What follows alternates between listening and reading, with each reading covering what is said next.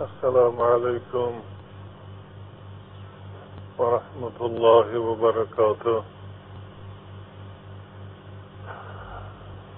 مهمانای خانه خدا و عاشقان مدرسه محمدی صلی الله علیه و سلم.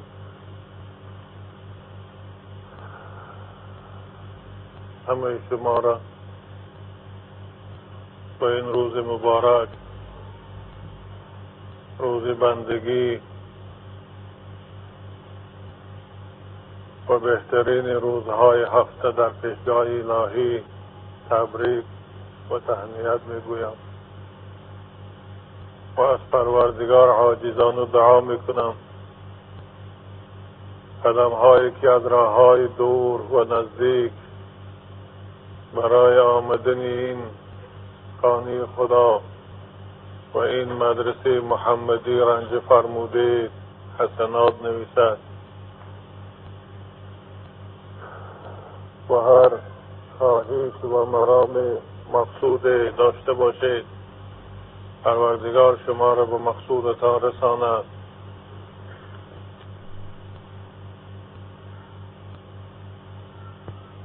ببی دعاها و نیازشها و التجاهای شما پروردگار. اسلام در روی زمین غالب گرداند. و قانون قرآن را در تمام عالم حاکم گرداند.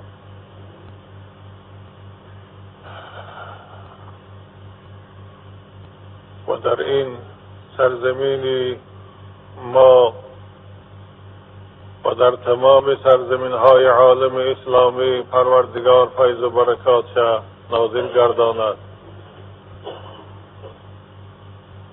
و این سرزمین های ما را از این آفت ها و این تشویش هایی که امروزها بعض منطقه ها را فرا گرفته است پروردگار نگه دارد و این آفت و بلا را برطرف گرداند.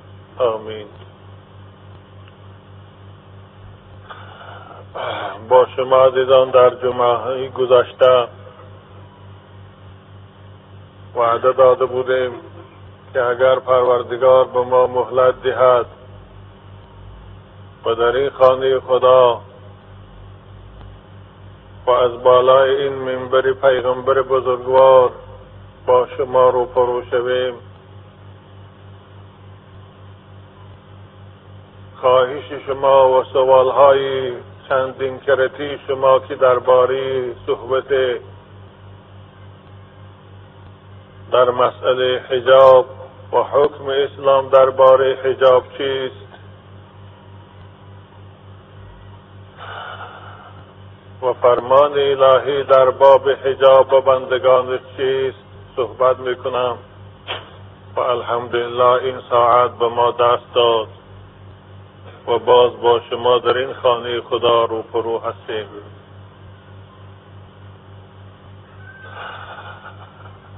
خاطرسان می سازم که جمعه آینده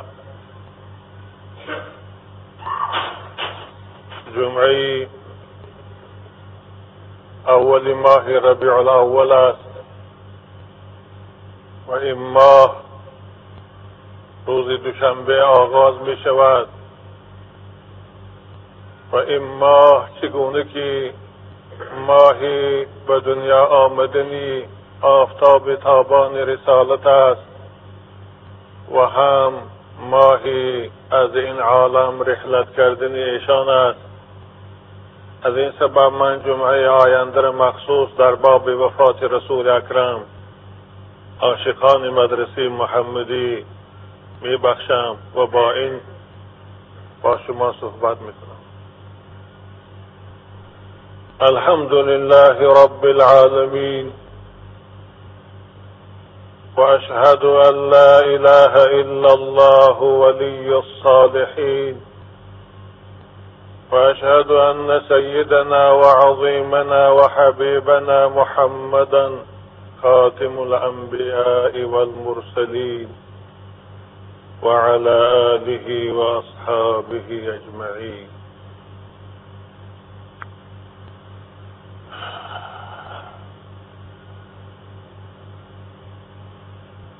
أعوذ بالله من الشيطان الرجيم.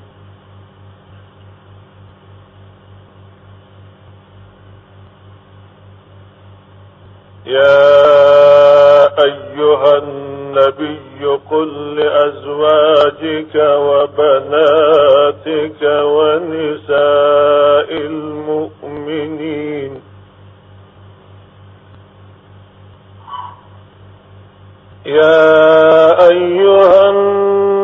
النبي قل لأزواجك وبناتك ونساء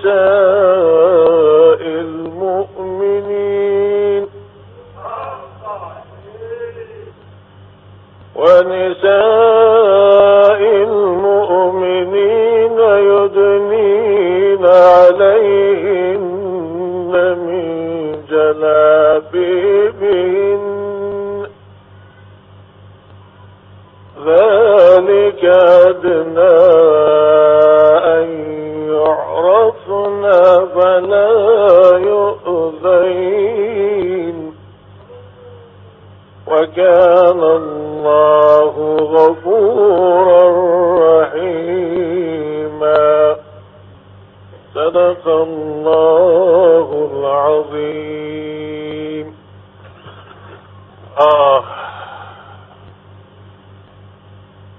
حجاب مسئله است که امروز دنیای اسلام باید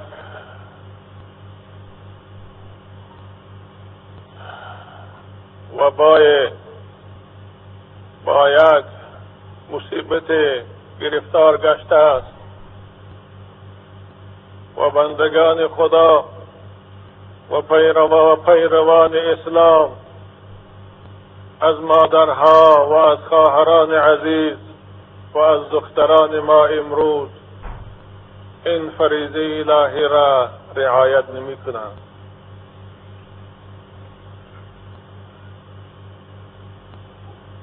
پروردگار در این آیه که الان تلاوت کردیم، با پیغمبر بزرگوار خود سپارش می دهد و فرمان می دهد. این امر او را به تمام بندگان خدا برساند. عزیزان من وقتی که پروردگار حبیب خودشه سپارش می دهد در کدام موضوع این بیانگری آن است که این موضوع و این مسئله خیلی مسئله مهم است و جدی است و باید امت اسلام خیلی با احتیاط به او توجه نمایند. در این خطاب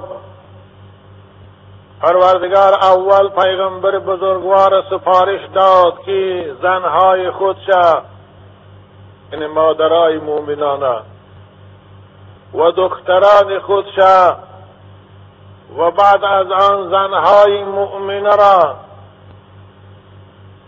امری به حجاب کند البته زنهای پیغمبر و دخترای پیغمبر اینها در خاندان نبوت به کمال رسیدند و از چشمه صاف قرآن و مدرسه قرآن نشع و نما یافتن و به کمال رسیدند و هیچ گمانی نبود که اونها به حیا باشند یا به عفت. اما پروردگار اولا خطاب متوجه به پیغمبر کرد برای زنهاش و دخترانش تا اینکه زنهای امت اسلام اعتراض نکنند که خدایا برای که زنهای پیغمبر تا دخترهای پیغمبر تا امر به حجاب نکردی و ما را امر به حجاب کردی. از این سبب پروردگار اول پیغمبر امر کرد که زنهای خودتا و دخترهای خودتا و بعد از آن زنهای امت اسلام سفارش ده. این امر من رسان که یدنین علیهن من جلابی بهن بر بالای بدن خود لباسهای را آویزان کنند. یعنی چادرها را آویزان کنند. اینه به اصطلاح امروز گوییم این پلاش های پوشن کمزل های پوشن که لباس زیبای اونها را در بیرون از نظر مردان پنهان دارد جلابیب جمع جلباب مفسرین کرام میگن همون چادری که از بالای لباس میپوشند. علت پوشیدن این لباس فراخ از بالای لباس های زیبا چیست؟ پروردگار بیان می‌کند که ذلک ادنا ان یعرفنا. پوشیدن این لباس برای خاطر آن است که زنهای مؤمنه زنهای عفیف و پاکیزه شناخته شوند. این مردهای اوباش و فاسق با چشمی بعد به اونها نگاه نکنند. زیرا که وقتی که زن مسلمان لباس شرعی داشته باشد حجاب اسلامی داشته باشد. هیچ اوباش فاسق غیرت نمی کند که با آن چشمی بد کند. فلا ازین آزار داده نمی شود از جانب فاسقها و از جانب شهوت پرستها و کان الله غفورا رحیما. این آیه برای زنهایی که تا شنیدن این حکم الهی شاید سرلوچ میگشتند شاید عریان میگشتند. بعد از شنیدن این فرمان الهی اطاعت کردن برای اونها یک دلبرداری است. خدا می‌گوید ای زنهای امت اسلام پیش از شنیدن این احکام من چگونه بوده؟ برای شما گناه نیست من گناه شما رو می‌گذارم. اما بعد از شنیدن حکم من باید اطاعت کنید. و کان الله غفورا رحیما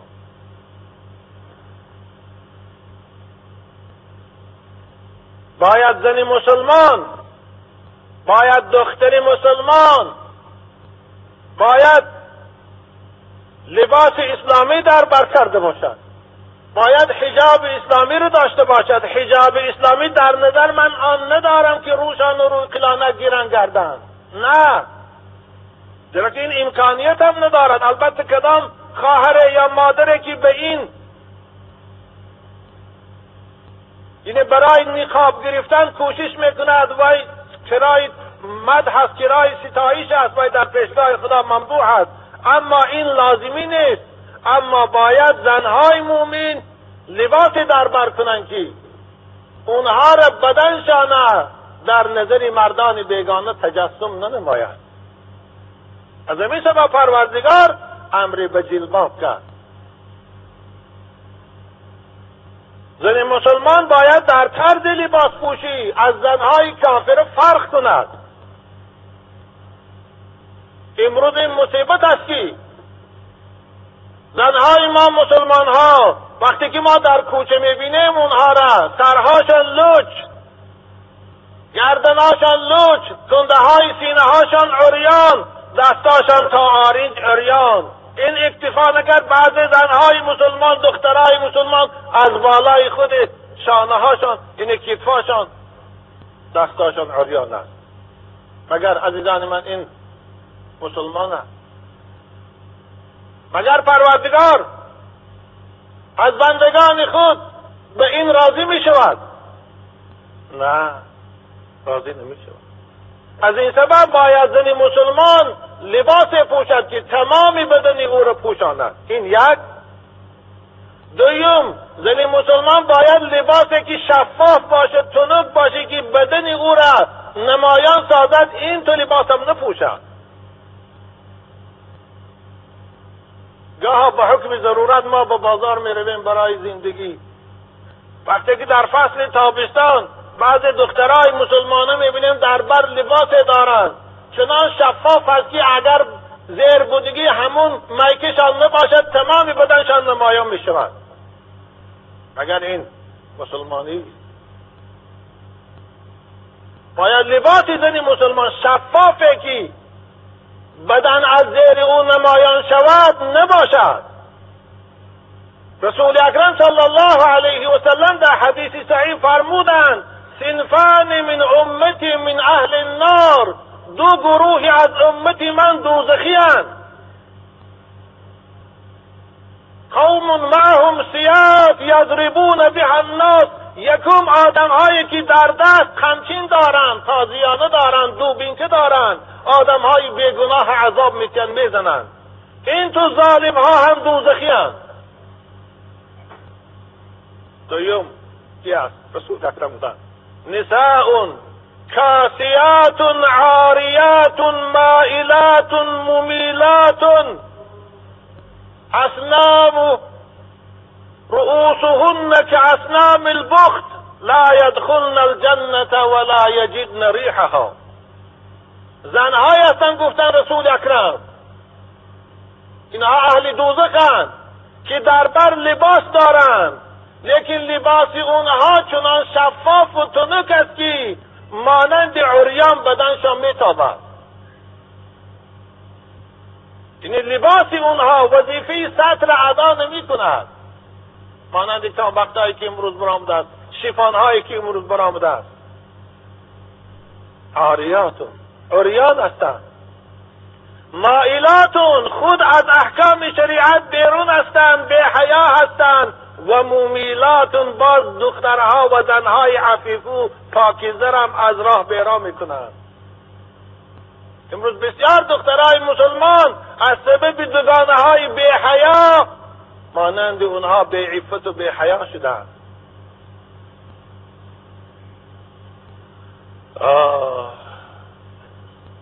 رسول اکرم چی گفتن؟ البته این معجزه بود. این سخنه بود که رسول اکرم شاید هزار و سیصد سال پیش گفته بود. اگر صد سال پیدا شده باشد این طرز لباس پوشی و این طرز موی سر زیبا دادن سرهاشان موهای اونها در سرهاشان فلوده کردگی بلند مانند کوفان اشتور این سر لوج موهاشان بلند تپه کردگی در بالای سرشان رسول اکرم گفتند اینها زنهایی هستند که جنت نمی درایند و حتی بوی جنت نمی یابند لا يدخلن الجنه ولا يجدن ریحها. وقتی که رسول اکرم برای زنهایی که لباس عریان میپوسند شفاف میپوشند بدن اونها نمایان می‌شود جنت نمی درآید گفتن بوی جنت نمی یابد گفتن این معنای آن دارد که این زن و این دختر مسلمان با حلال دانستن این قسم لباس از اسلام خارج می شود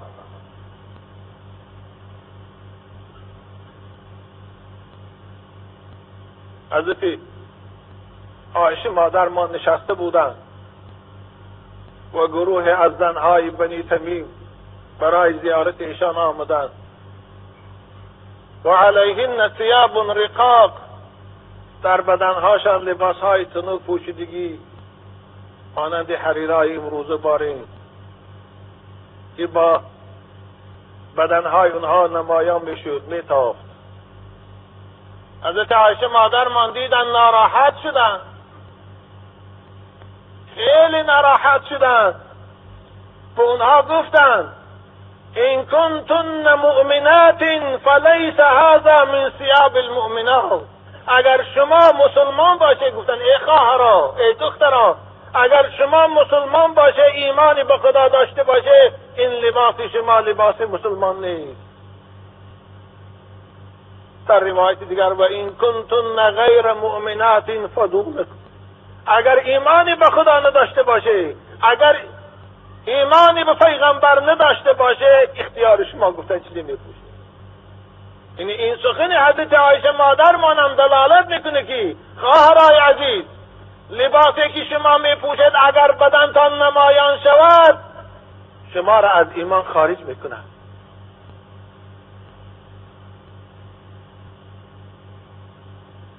افسوس امروز مادرای ما خواهرای ما مبتلا به این پوشیدن لباس ها شده به اصطلاح امروزه که این ماده شده است یا مود شده است لباس های می پوشن که یگان گر بدن اونها را نمی پوشانند.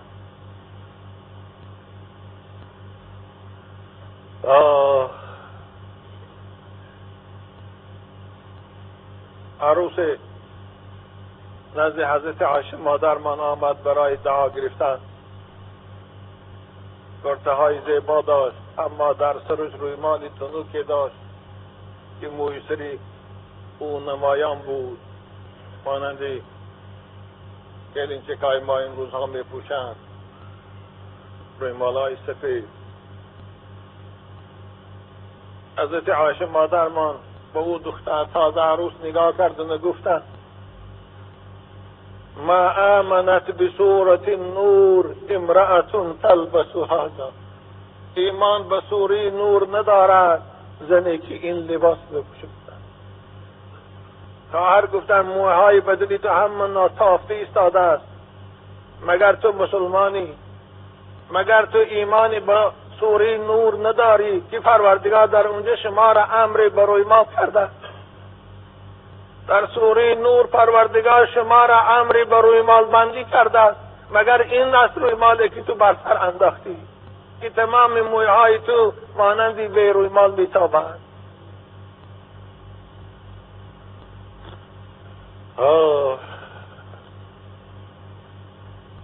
دیگر باید لباسی زن مسلمان آنقدر تنگ و جذاب نباشد که بدن او را موضع های حساس بدن او را نمایان کرده است امروز لباس های بعض دخترای ما می پوشند لباس های تنگ که همه بدن او جایهای جذاب بدن او علاحده نمایان شده میستند خواهرای عزیز کسانی که ندای من میشنه این هم از لباس اسلامی نیست. این لباس مادلیرهایی است که امروز دنیای غرب دنیایی که خدای او شهوت است و به و باری است. به ما و شما همچون ارغوان داده ایستاده است. امروز ما دیدی استادیم مادل های موده های برآمده ایستاده است که حتی کس از دیدن اونها شرم دارد که تمام بدن پوشندش نشان داده میستن پوشیدن این قسم لباس هم برای زنهای مسلمان حرام است. خواهرای عزیز پروردگار شما را امر کرده است برای بخانشیستن نه برای آنکه در بر لباس های زیبای شفاف و جذاب پوشیده به کوچه ها سیاحت کردن. توجه کنه به این آیه مبارکه که پروردگار در سوره احزاب چی میگوید؟ اعوذ بالله من الشیطان الرجیم. وقرن في بيوتكن ولا تبرجن تبرج الجاهلية الأولى وقرن في بيوتكن ولا تبرجن تبرج الجاهلية الأولى.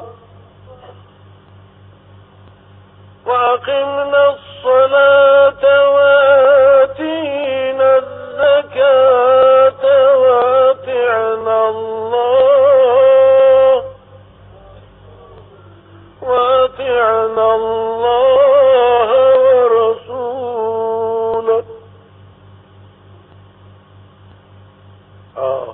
پروردگار.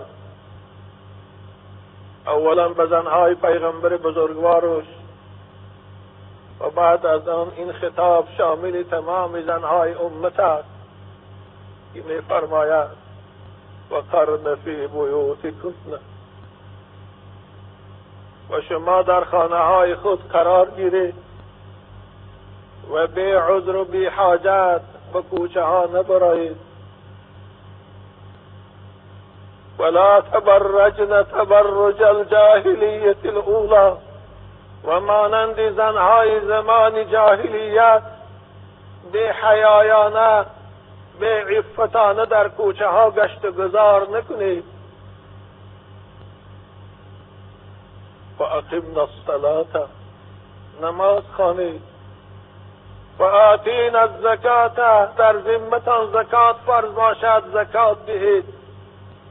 و آتیعنا الله و رسوله إطاعت از خدا کنید و إطاعت از پیغمبر بزرگواری أو آه.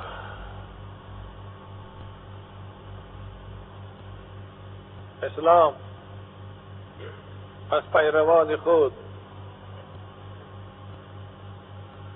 میخواهد که با عفت باشد با حیا باشد. و برهای سزاوار نام مسلمان شدن نام مؤمن شدن باید خانشین باشد. و مانند زنهای زمان جاهلیت که حضرت امام مجاهد می‌گویند زنهای جاهلیت این بودند که در بین مردها خودشان آرایش می‌دادند و می‌رفت و می آمدند در کوچه ها گشته گذار می‌کردند. زنهای مسلمان باید مانند اینها نباشند.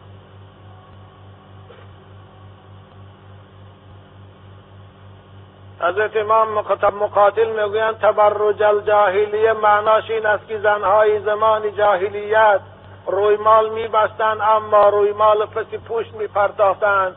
گردن اونها و کنده های سینه های اونها نمایان بود و هر کس به اونها نگاه می‌کرد خدا میگه باید زنهای مسلمان این رفتار نداشته باشند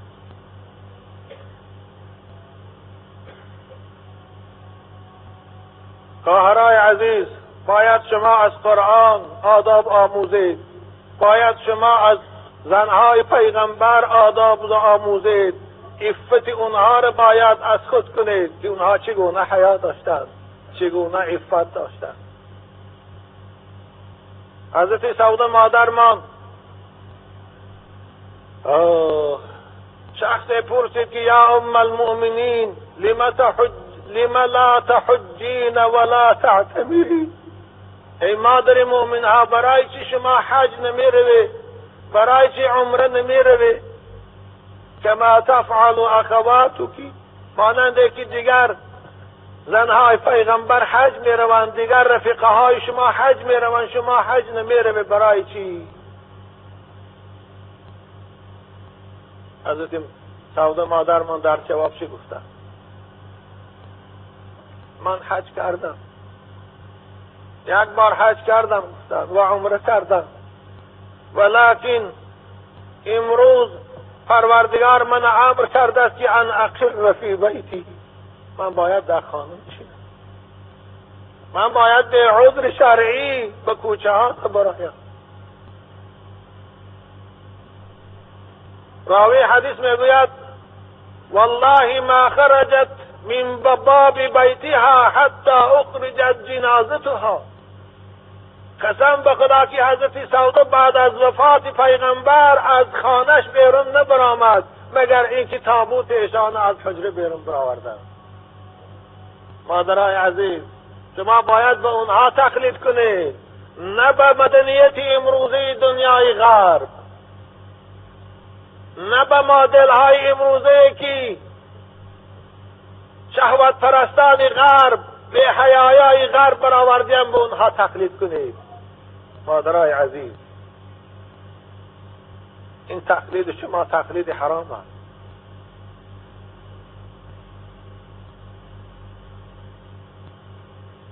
مسلمان باید ناموس اسلامی داشته باشد زن مسلمان باید عفت و حیا داشته باشد زن مسلمان باید با شرم باشد.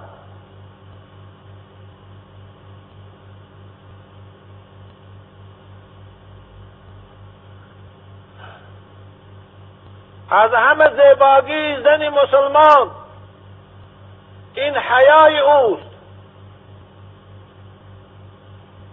و بالاترین و قیمتترین نشانه حیای او این چشمش نگاه داشتن است از تماشای مردان بیگانه.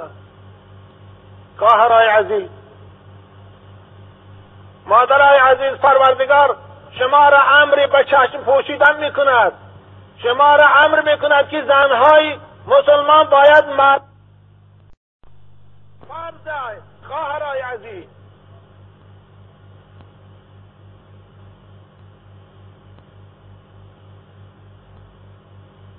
الا ما ظهر منها. ولیضربن بخمرهن. خدا میگه این های مسلمان روی مال پرتای از بالای سرهاتان یعنی روی مال پرتای که سرهای شما را مویهای شما را گردن شما را پوشاند.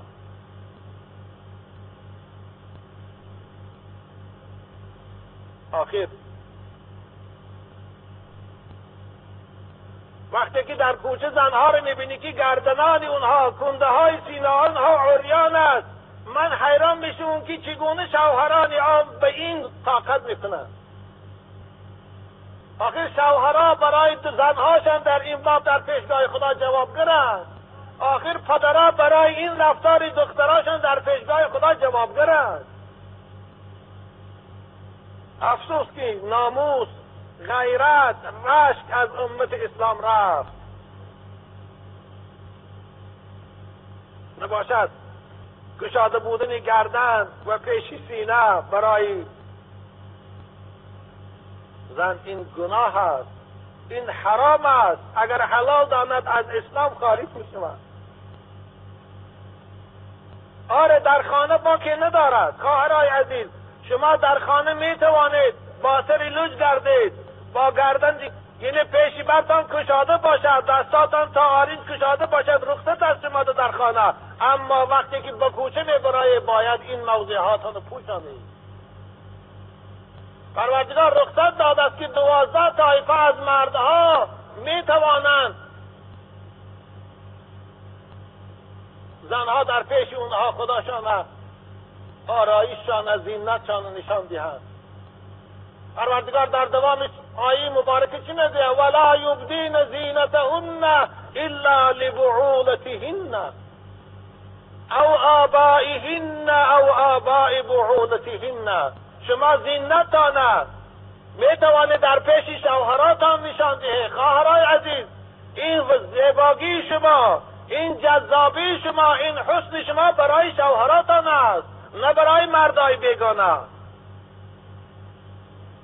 آخر وقتی که شما خداتان آرایش می‌دید به کوچه می‌روه یا به تالاری کنسرتی می‌روه یا به بازار می‌روه و این غضب خدا به شما مبتلا شده ایستاده. شما خداتان در آتش عذاب الهی سوخته ایستاده. شما می توانید در پیش شوهراتان خداتان زینتی شما می توانید در پیش پدراتان خداتان زینتی سر تا باشد میلوش روتان کشاده باشد میلوش گردناتان تابد میلوش دستاتان تابد میلوش اما در پیش آدم های بیگانه نامحرم این برای شما حرام است. این خدا برای شما من کرده حضرت اسما بنت ابی بکر رضی الله تعالی عنها پیش پیغمبر خدا در آمدن. در بدنشان لباس تنوت بود. حضرت دیدن زمان ناراحت شدند روی خوشان گرداندن. روشان گرداندن نگاه نکردن مثل بی اسما. یه قیدینگلشان بود. افی حضرت عایشه را مادر کن بود. گفتن یا اسماء ان المرأة اذا بلغت المحید لم يصلح ان ان یرا منها الا هذا و هذا. ای اسما گفتن وقتی که دختر به بلاغت می‌رسد این بلاغت رسید این دختر به سن 14 و 15 میدراد. برای وی دیگر حلال نیست که اعضاهای بدن او نمایان شود مگر روی او و دست او تابندی دست است حرام است برای تو. لباسی تنوز پوشیدن از این سبب دخترهایی که به سن بلاغت می‌رسن پدرهای عزیز مادرهای عزیز. در خانه چی لباس میپوشند حلال است. اما از درس بیرون میبرایم به کوچه. شما اونها رو کنترل کنه اونها رو نظارت کنه که همون چادرهایی که امروز برآمده است پلش می‌گوید همونها رو پوشیده براید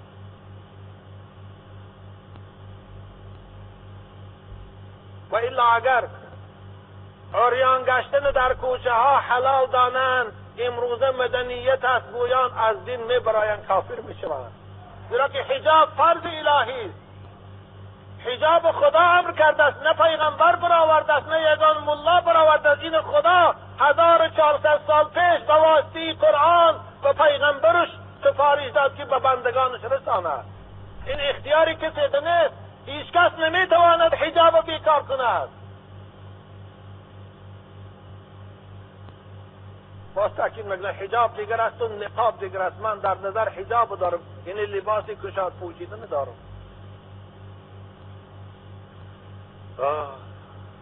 افسوس. کدام شب در تلویزیون یک برنامه تلویزیونی تماشا کردم. در آن برنامه دخترای مسلمان بودند. برنده هاشم مسلمان بود. درباره طرز آداب لباس پوشی صحبت می‌کردند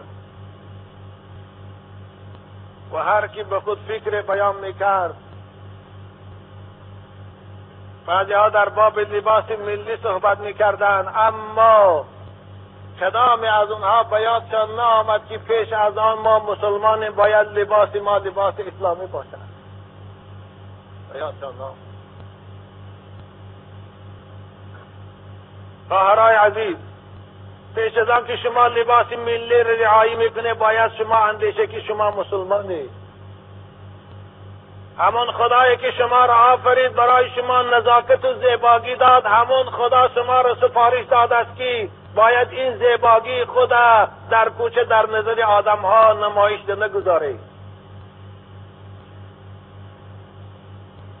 آره لباس ملی پوشید اما ملی باید پوشید که همه بدن شما را پوشاند. نه آن لباس ملیه که سر شما لش باشد یا دستای شما از کت پایان لش باشد یا اینکه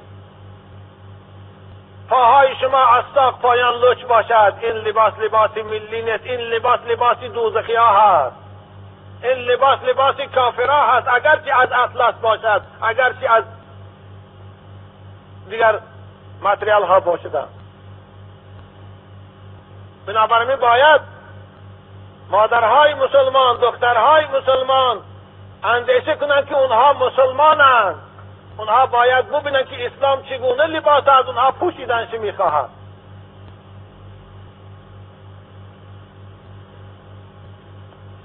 برای مدنیت امروزی غرب شده خداتان حلاک نکنید علامه اقبال می‌گوید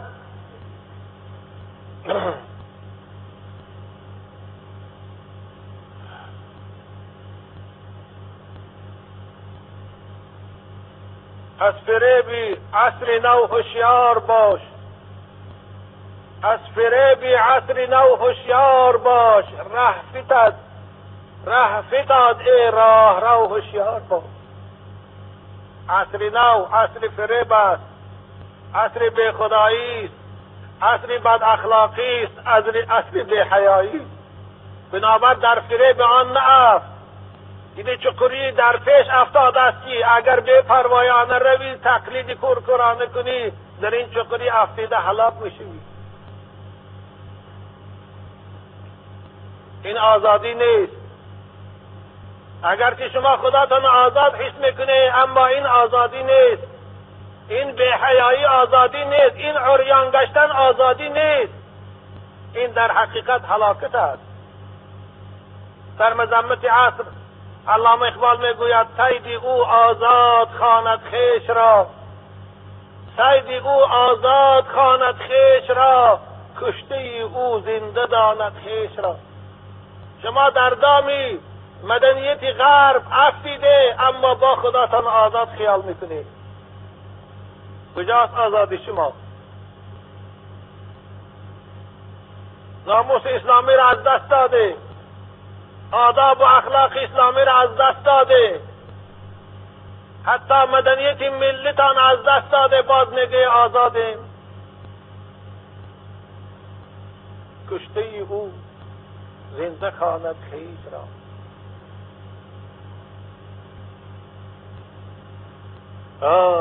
بنابراین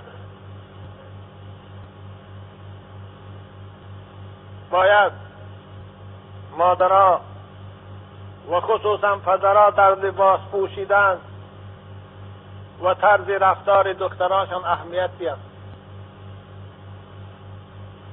زیرا که هر پدر و مادر در پیشگاه خدا مسئول است.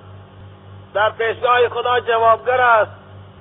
برای تربیه دختراشان برای تربیه بچه هاشان رسول اکرم میگن ان الله سائل. ان الله سائل كل راع اما استرعاه حفظه ام زیعه. پروردگار هر پدر و مادر هر شوهر می‌پرسد. از او دختری که در اختیار اوست از او خانمی که در اختیار اوست که آیا او را تربیه کرده تا نیست؟ آیا او را برای اسلام موافق تربیه کرده تا نیست یا نه؟ یا او را از دست داد؟ یا او را در اختیار شیطان سپارید؟ یا او را در اختیار مدنیت غرب داد؟ از او می‌پرسم. بنابر شوهرها در این باب در پیشگاه خدا جوابگرند پدرها در پیشگاه خدا جوابگرند این افسوس است که با پول قیمت لباس می‌خریم اما دخترای ما این لباس نیم برهنه در بر می‌کنند. حتی فقها مادرای عزیز بفرمایند کدام زنی که در بر لباس چنوب دارد در خانه تنها باشد نماز کند اگر نمازش فاسد است. چی جایاله که در کوچه با لباس کشتن آخر جسدهای نازک شما طاقت عذاب الهی ندارند خواهرای عزیز این دنیا فقط برای آن نیست که ما چند سال زندگی کنیم معیشت کنیم سالی نابود داریم دیگر زنده شدن نباشد. این تو نیست. خواهرای عزیز بعد از این دنیا باز دنیای دیگری هست. ما و شما حتما در پیشگاه خدا جواب میتیم برای این حیات گذراندگی ما. باید او رو اندیشه کرد. باید کار کنه که شما در پیشگاه خدا خجالت نشوید. باید کار کنه پدر و مادر شما در پیشگاه خدا خجالت نشود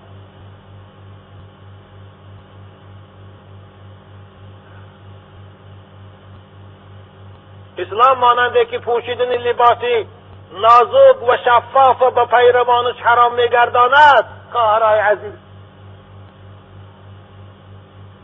چیدن موی و پیوند کردن مور هم برای پیروانش حرام میگرداند. در جمعه گذشته دو مکتوب درباره به من آمده بود که آیا چیدن موی در اسلام جایز است یا نه؟ خواهرای عزیز مادرای عزیز چیدن موی یعنی موی قاش. تا که باریک کنیم نازک کنیم دراز کنیم. این حرام است. این پیغمبر خدا حرام گردانیدیند این صاحب شریعت لعنت کردیان زنهایی که موی قاش خود میچینند این وسوسه شیطان است. این امر و فرمان شیطان است برای کسانی که این کار اول بار برآوردند. وقتی که شیطان پروردگار مردود کرد از رحمت خود او به پروردگار سوگن یاد کرده بود که ولا آمرنهم فلیغیرن خلق الله. ای پروردگار من بندگانی تو رو سفارش میدیم. که خلقت آفریدگی تو رو تغییر میدیم خواهرای عزیز خدا به شما کاش داده است. چگونه شما هم کاشی خدا دادگی رو تغییر می‌دهید این موی هایی که خدا داده است او رو میچینید و کاش خود بارید می‌کنید. این حرام است. رسول اکرم در حدیث صحیح میفرمای حدیث بخاری های لعن الله النامسة والمتنمسة. خدا لعنت کن از زنی که کاش خود میچیند و بارید می‌کند. خدا لعنت کن از زنی که متخصص این کسب است از این کسب کل می‌خورد از این حدیث معلوم شد که چیدن کاش برای زیبایی حرام است. هیچی که از فقهای اسلام این رخصت دادگی نیستند حتی اگر کاش میچیندگی از خانه بیرون هم که نبرایند حرام است برای اینها چیدنگی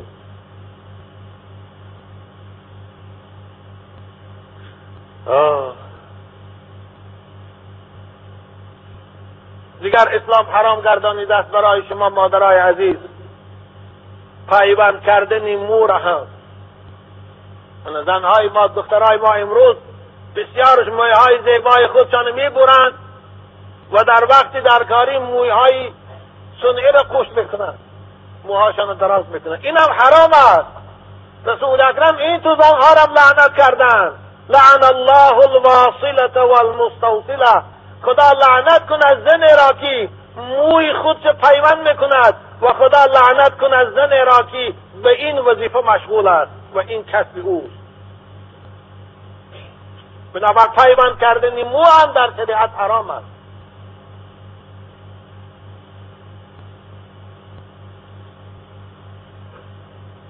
ولعن الله الواشمة والمستوشمة. و خدا لعنت کند زنهای را که خالی صنعی می‌گذارند. من خالی صنعی امروز هم عادت شده است. حتی در تلویزیون ها بعضی ها رو می‌بینی همه بدنشان خال کردیان. گذاشتن خالی صنعی خواه در رو باشد خواه در دست اینم حرام استیم بالای عذابی که در وقتی سوزن زدن می‌کشند باز به عذاب خدا به لعنت خدا گرفتار می‌شوند این زنها. اینم حرام است. و از زنی مسلمان خالی صنعی نکنه آره برای شما حلال است سرمه کشه برای شما حلال است اسمه کشه یعنی هر کاری می‌کنی اما چیزی که اسلام نکرده پیغمبر خدا نکرده باید از او خدا تا نگاه داری. مگر زینت همین است؟ مگر آن حسنی که خدا به شما داده است او زینت نیست؟ همون زینت صنعی که تیار می‌کنه خودتان به او مگر او زینت است؟ حالا این دردی خیر؟ که زنها بعدی در خانه ها خداشان آرایش میتن اما افسوس امروز اکثر دخترهای مسلمان ها در آرایش خانه ها شده در زیر دستی مردها خداشان آرایش میتیند این باز گناه از بزرگتر است از این. عروس ها دخترای شوهر میبرام دیگه در آرایش خانه می‌روند مردها اونها را آرایش میتیند دستهای مردها سری اونها را بدنهای اونها را هموار میکند و ملایم میکند کجا شد ناموس اسلامی؟ خواهر عزیز مگر از خدا نمیترسی؟ رسول اکرم میگن لعن یطعن فی رأس احدکم. لأن یطعن فی رأس احدکم بمخیط من الحدید خیر له من ان یمس امرأة ناصحل قسم به خدا گفتند اگر در سر شما با میخی سوزنین زنند این عذابش آسانتر است که دست یک زنی نامحرم در بدن شما رسد. یا دستی نامحرم در بدن شما رسد خواهرای عزیز. شما دختری مسلمان. وقتی که به دنیا می بیایید مسلمان گویم پدر و مادر در گوش شما عذاب می‌گوید وقتی که شوهر می‌کنید مسلمان گویم پدر و مادر شما را به نکاح شرعی شوهر میتید وقتی که وفات می‌کنید مسلمان گویان شما را جنازه می‌کنند اما رفتار شما به اسلام موافق نیست. باید اندیشی. مسلمانی فقط آن نیست که من مسلمانون گویی. باید مسلمان پیرو قانون اسلام باشد. باید مسلمان تابع قانون شریعت باشد. این است مسلمان.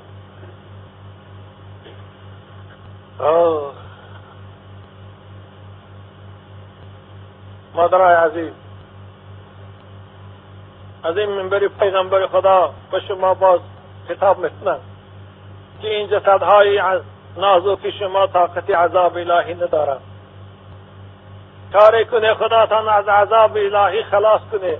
الان حال همسر بر وقت است.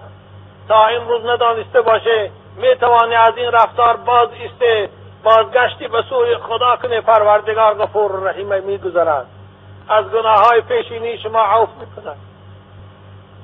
حضرت مولوی می‌گوید نداری بر کفی پا طاقتی خار دلیری چون کنی بر گلخنی نار.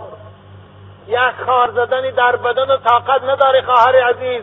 چگونه بے شرمانه عریان میگردی خود سزاوار عذاب الهی می‌کنی مگر طاقت عذاب خدا داری؟ خیال نکن که او آتشی عذاب الهی مانند آتشی دنیاست. آتش الهی آتش دوزخ هفتاد برابر زاید حرارت دارد از این آتش دنیا. یک بار انگشت خود دار در بالای شمع علنگی شمع آیا طاقتی سوختنش داری؟ نداری.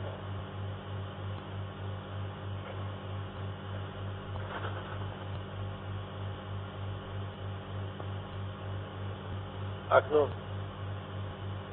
وقتی ما هم به پایان رسید ایستاده. شاید خیال می‌کنم که من باشد این صحبت امروزی من. برای خواهران عزیز و مادرایی که این صحبت من شنوند. اگر از این صحبت من یکی از اونها هم اصلاح شود و برای راست و با پوشیدن لباس اسلامی مشرف گردد این برای من شرف است. کنیم پروردگار خواهرای عزیز ما را و مادرامان عفت و حیا عطا فرماید. و از این به حیایی و به عفتی که سبب حلاکت معنوی اونهاست اونها را نگه دارد. و از خواهرای ما و مادرای ما فرزندان به دنیا بیارن که مانندی زنهای زمان رسول اکرم مانند سلف صالحین ما فرزندان صالح و با حیا مانند خودشان با عفت و فرزندان بیان که پیرو اسلام باشند و پیرو قربان باشند. خدایا مادرای ما را و خواهرای ما را از این راه زلالت و گمراهی بازگردان و به اسلام مشرفشان گردان. و پیروی کردن از احکام قرآن را خدایا در دلهای اونها بیدار گردان. آمین یا رب العالمین. السلام علیکم داملای عزیز. مصطفی چی معنا دارد؟ جناب پیغمبر مصطفی می‌گویند. معنای مصطفی برگزیده شده. رسول اکرم حدیث صحیح میفرمایند پروردگار از بنی هاشیم ما را برگزید. یعنی از عبد مناف بنی هاشیم برگزید و از بنی هاشیم ما را به پیغمبری اختیار کرد. معنای مصطفی اختیار کرده شده برای پیغمبری. برگزیده شده برای پیغمبری. از این سبب رسول اکرم و مصطفی می‌گویم.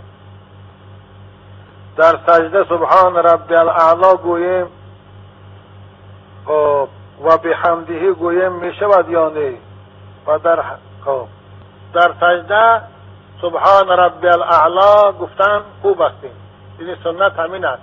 اما کدام که اگر وقتی فراخ داشته باشه تنها باشه می‌توانه سبحان الله و بحمده هم گویه می‌توانه بعد از سبحان رب الاعلا باز دعا کنه این هر دوشن برای شما رخصت است. اما آن چیزی که رسول اکرم ما را امر کردن این وقتی که آیی مبارک نازل شد سبح اسم ربک اعلا امر کردن که اجعلوها فی سجودکم. همه سبحان ربی الاعلا را در سجدت هم گویه از همین سبب سبحان ربی الاعلا گفتن این سنت است. آره و به حمدیش هم گویی با که ندارد. سبحان الله و به حمدی سبحان الله العظیم هم گویی می شود در سجده. اما آن چیزی که فقها گفتیان این سبحان ربی الاعلا اقل سه بار است.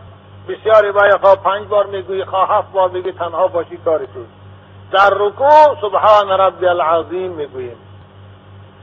و در حق من دعا کنید پروردگار توفیق زیاد توفیق هم زاید کرد پروردگار شما رو برادر عزیز توفیق اسلام بیاد و دیگر عاشقان مدرسه محمدی هم توفیق دیان آیله فقیر ما از نه نفر عبارتیم. یک خواهری تلخ من مدت شش سال به بیماری رد مبتلا بود آخر وفات کرد. در سین هفته سالگی. ما با وجودی که در قشلاقمون چیزی نداشتیم خب روزی که وفات کرد به مقدار یک دیگ تعام آماده کردیم اما ملای محلمان ما را مجبور کرد که یک دیگ دیگر تا چین دوشنبه و جمعگی هم بکنیم. اما کسی به ما کمک نمی‌کند چی کار کنیم؟ برادر عزیز وقتی که شما فقیر هستی برای شما نه دوشنبگی لازم است نه جمعگی. نه چی لازم است نه هفت این هیچ کدام شریعت نفرمیده بنابر همون ملای محلی شما اولش که نامعقول کرده است. بادام که از احکام اسلام خبر ندارد برای چه این کار شما میفرمد این چیل و هفت و خدایایی که میتیم برای آدم های ثروتمند است. این ثروت دارند به دولت هستند. این صدقات می‌کنن ثوابش به میت می‌رسد.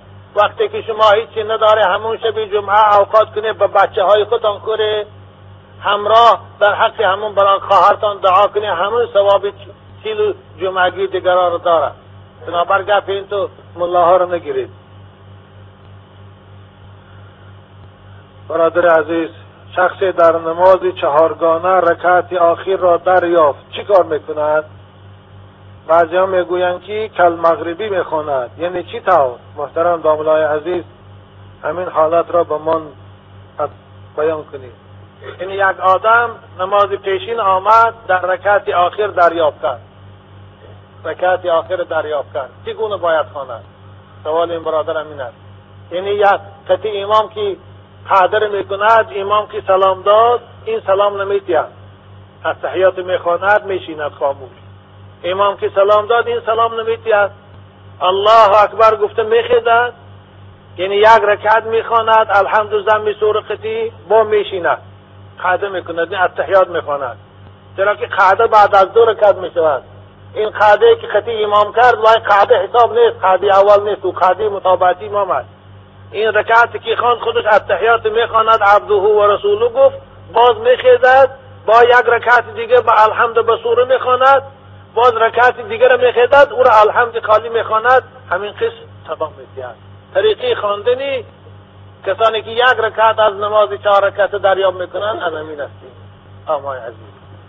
حتی در نماز شام هم اگر کسی رکعت آخر دریاب کند بعد از سلام دادن امام میخیده یک رکعت می‌خواند میشینه تحیات می‌خوانه عبده و رسوله گفت ثانی به خسته یک رکعت دیگه می‌خواند و با سلام میتید اینطوریه که بعد از امام سلام دادن خسته یک بار دو رکعت خواند و با سلام تید این هم در گیرتان السلام علیکم. بگوید داملای عزیز که روز جمعه روزه گرفتن روا هست یا نه؟ برای آنکه آدمان میگن روز جمعه روز سعید است ثوابش کم است. شب جمعه تا ساعت چند صبح خوراک خوردن ممکن است. روز جمعه روزه گرفتن در مذهب ما رخصت است. در مذهب ما در یک سال پنج روز ایام منحیه است. این روزهایی است که روزه گرفتن ممکن نیست. یکی روز عید رمضان یکی روز عید قربان دیگر سه روز بعد از عید قربان.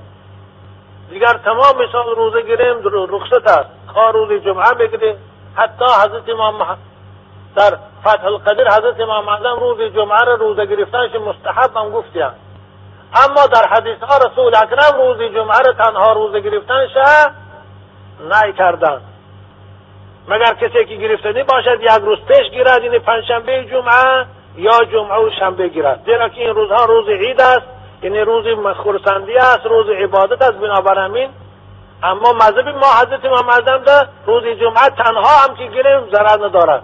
یعنی ثواب است گرفته خلاصه هم است یعنی